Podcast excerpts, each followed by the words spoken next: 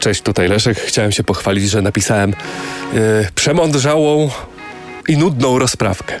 Zatytułowaną Dlaczego mimo, że jestem mocny, to jestem wolny na rowerze? Bo kocham wolność! Kalendarzu zima. Za oknem warunki idealne do treningów na trenażerze. Yy, Zimą notuje zresztą rekordy mocy, FTP. Yy, Rośnie tak, że zrywał łańcuch, gwinty w korbie. Mimo to na zewnątrz często zdarzało mi się odpadać i chyba jeszcze nie raz odpadnę od grupy. Mimo, że każdy z nas jest na tym samym poziomie swojej kondycji, ma podobnej klasy sprzęt, a na pewno nie taki, który wyrywa między nami jakąś niesamowitą przepaść. Chodzi mi tutaj o to, że pomiędzy rowerem za 10 a 40 tysięcy nie ma czterokrotnej przewagi. To jest 1 km na godzinę, może szybciej. Nie ma po prostu takich rowerów szosowych, które sprawiałyby, że nagle przestanę odpadać tylko i wyłącznie ze względu na to, że będę miał lepszy sprzęt. W skrócie dziś o tym, że moc w girach to nie wszystko, a im wcześniej się o tym przekonasz, tym dla ciebie lepiej. I od razu też mówię, że jestem ogromnym orędownikiem jazdy zimą na trenażerze. Przyznaję się także do tego, że poniżej 10 stopni nie jeżdżę na zewnątrz. Głównie dlatego chyba, bo nie byłem w wojsku. Tak przynajmniej piszą do mnie anonimowi widzowie. Jednak lepiej jest trenować zimą samą formę, niż nie robić przez pół roku totalnie nic. Bo trenażer nie rozwija techniki jazdy. O tym nagrałem już nie jeden film, y, których obejrzenie serdecznie polecam wam pod rozwagę. To, czego najbardziej się boimy na zawodach albo podczas jazdy w grupie, to, że nie damy rady reszcie. No bo ostatnio jak byłem na ustawce, to oni jechali 38 na godzinę, a ja sam to jeżdżę no tak maksymalnie 32. Albo na zjeździe, na drugim zakręcie już odpadłem, bo oni wszyscy zjeżdżają jak szaleńcy. Zauważ, że i w jednym i w drugim przypadku nie jest potrzebne generowanie Bóg wie jakiej mocy. 40 km na godzinę w grupie to jest wolno. Serio, to jest wolno. Do utrzymania takiego tempa wystarczy około 2-2,5 W na kilogram. To tak naprawdę jest e, dla większości z nas strefa tlenowa. Oczywiście nie każdy od razu jest w stanie trzymać takie wartości w pierwszym sezonie swojej kariery, ale w drugim to nie jest po prostu przerażająca moc, moim zdaniem. W czym zatem tkwi sekret? W chowaniu się przed powietrzem. Na płaskim walczy się nie z masą, nie z grawitacją czy tarciem. To powietrze jest głównym hamulcowym, dlatego peletony, e, zwłaszcza te zawodowe, jeżdżą z tak obłędną, wydawać by się mogło prędkością przez obłędną liczbę kilometrów. Czoło grupy pracuje i stale się zmienia, a reszta jadąca na tak zwanym kole odpoczywa. Naprawdę. Tylko aby móc jeździć zrelaksowanym 45 na godzinę, musisz się nauczyć techniki jazdy w grupie i uwierzyć w to, że da się odpoczywać przy takiej prędkości. Tutaj po, po prostu potrzebne jest doświadczenie, nieco śmiałości. Wystarczy uwierzyć, że dasz radę, bo najsłabszym twoim ogniwem jest właśnie głowa, a nie brak mocy, czy też słabszy o 5000 zł rower. O tym także nagrałem bardzo długi film i nie chcę się powtarzać. Z tym punktem wiąże się jeszcze drugi, także związany z aerodynamiką. To pozycja na rowerze i korzystanie z dolnego chwytu. Kurde, dlaczego ta kierownica jest tak wygięta? No właśnie po to, żeby jeździć w tym dolnym chwycie. Jak najczęściej. Obniżenie głowy da więcej niż najlepszej klasy rower. Więcej niż karbonowa rama i wysokie stożki razem wzięte, czyli takie wysokie koła. Niech brak komfortu w dolnym chwycie będzie motywacją do zreduko- zredukowania objętości brzuszka, który początkowo kładzie się na ramię. Do tego też warto pamiętać o prawidłowym trzymaniu kierownicy. Mam tutaj na myśli zgięte łokcie, rozluź- rozluźnione plecy. To też nie przychodzi z dnia na dzień. Ja miałem tak, że przez pierwsze tygodnie nauki trzymania prawidłowej y, pozycji na rowerze odpadało mi totalnie wszystko. Ręce, plecy, wacek. Jednak to przeszło. To jak ze wszystkimi nowościami w życiu. Najpierw jest ból, a potem radość i same bonifikaty wynikające z adaptacji. To tak jak z odchudzaniem, albo jeszcze nie wiem z czym innym.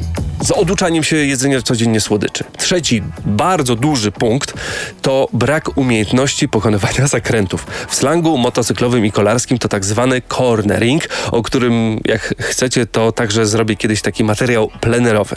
W skrócie chodzi o pojęcie teorii i wdrażanie jej przy okazji pokonywania każdego zakrętu, zwłaszcza na zjazdach w górach. Co z tego, że na podjeździe wysuwasz się na czoło, jak z górki wyprzedzają ciebie słabsi, baba lokalna z mlekiem albo pewniejsi siebie kolarze. Tutaj znów nie ma kompletnie znaczenia nasza forma, ani to, jaki posiadamy rower, tylko umiejętności, doświadczenie i odpowiednia wiedza.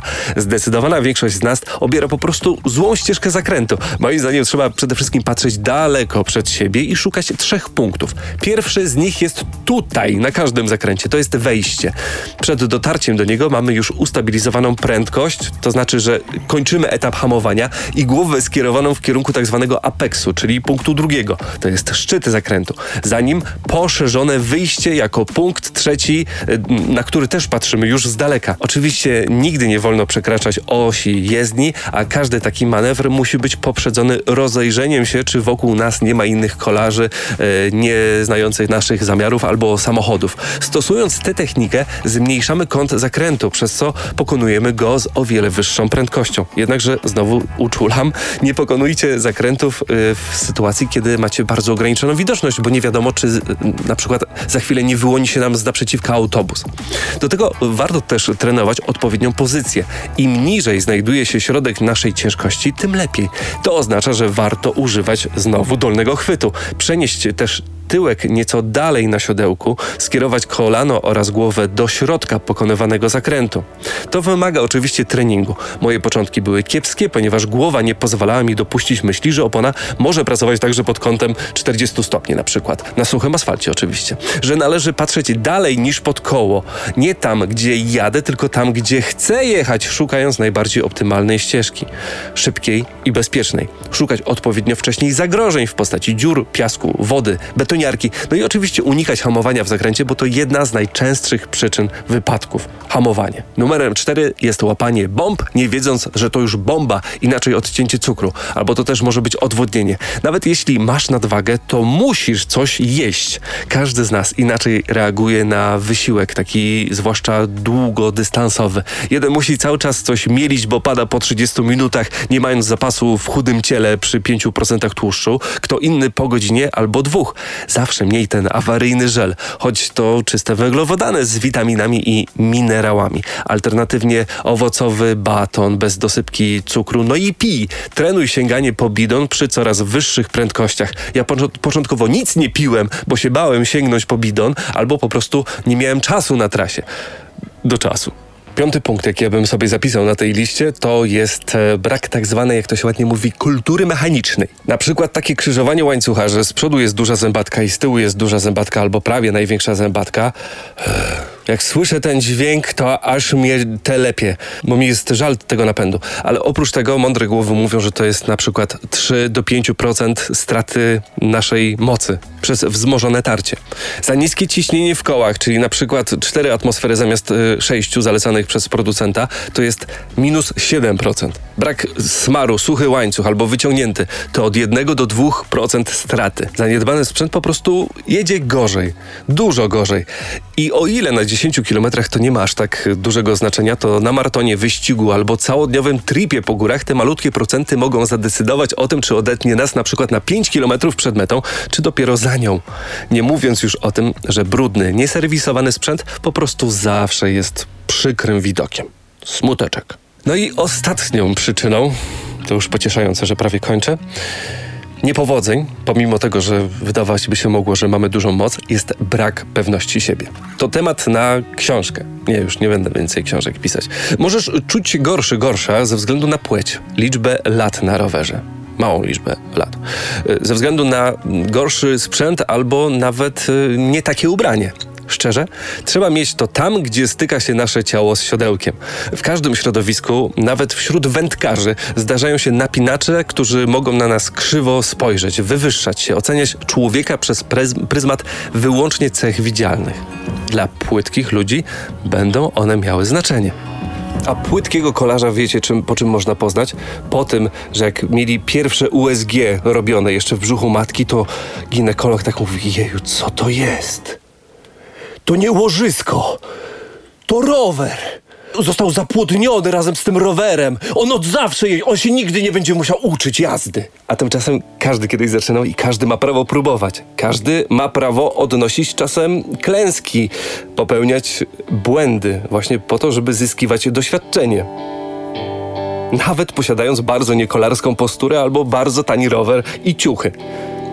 Dlatego właśnie warto jest zagłuszać takiego zewnętrznego i wewnętrznego nieśmiałka albo krytykanta, olewać ciepłym smarem ortodoksów i walczyć z głową, naszą głową. Bo co ci po mocnej nodze, kiedy łeb będzie słaby? Tak jak mój. Tak, bo ja sobie zdaję sprawę z tego, że moim największym wrogiem e, jest moja psychika. To, jakim jestem. Jestem człowiekiem, któremu najbardziej właśnie brakuje wiary w siebie. Ale walczę z tym. Także za pośrednictwem tego filmu, za którego obejrzenie i wysłuchanie bardzo dziękuję.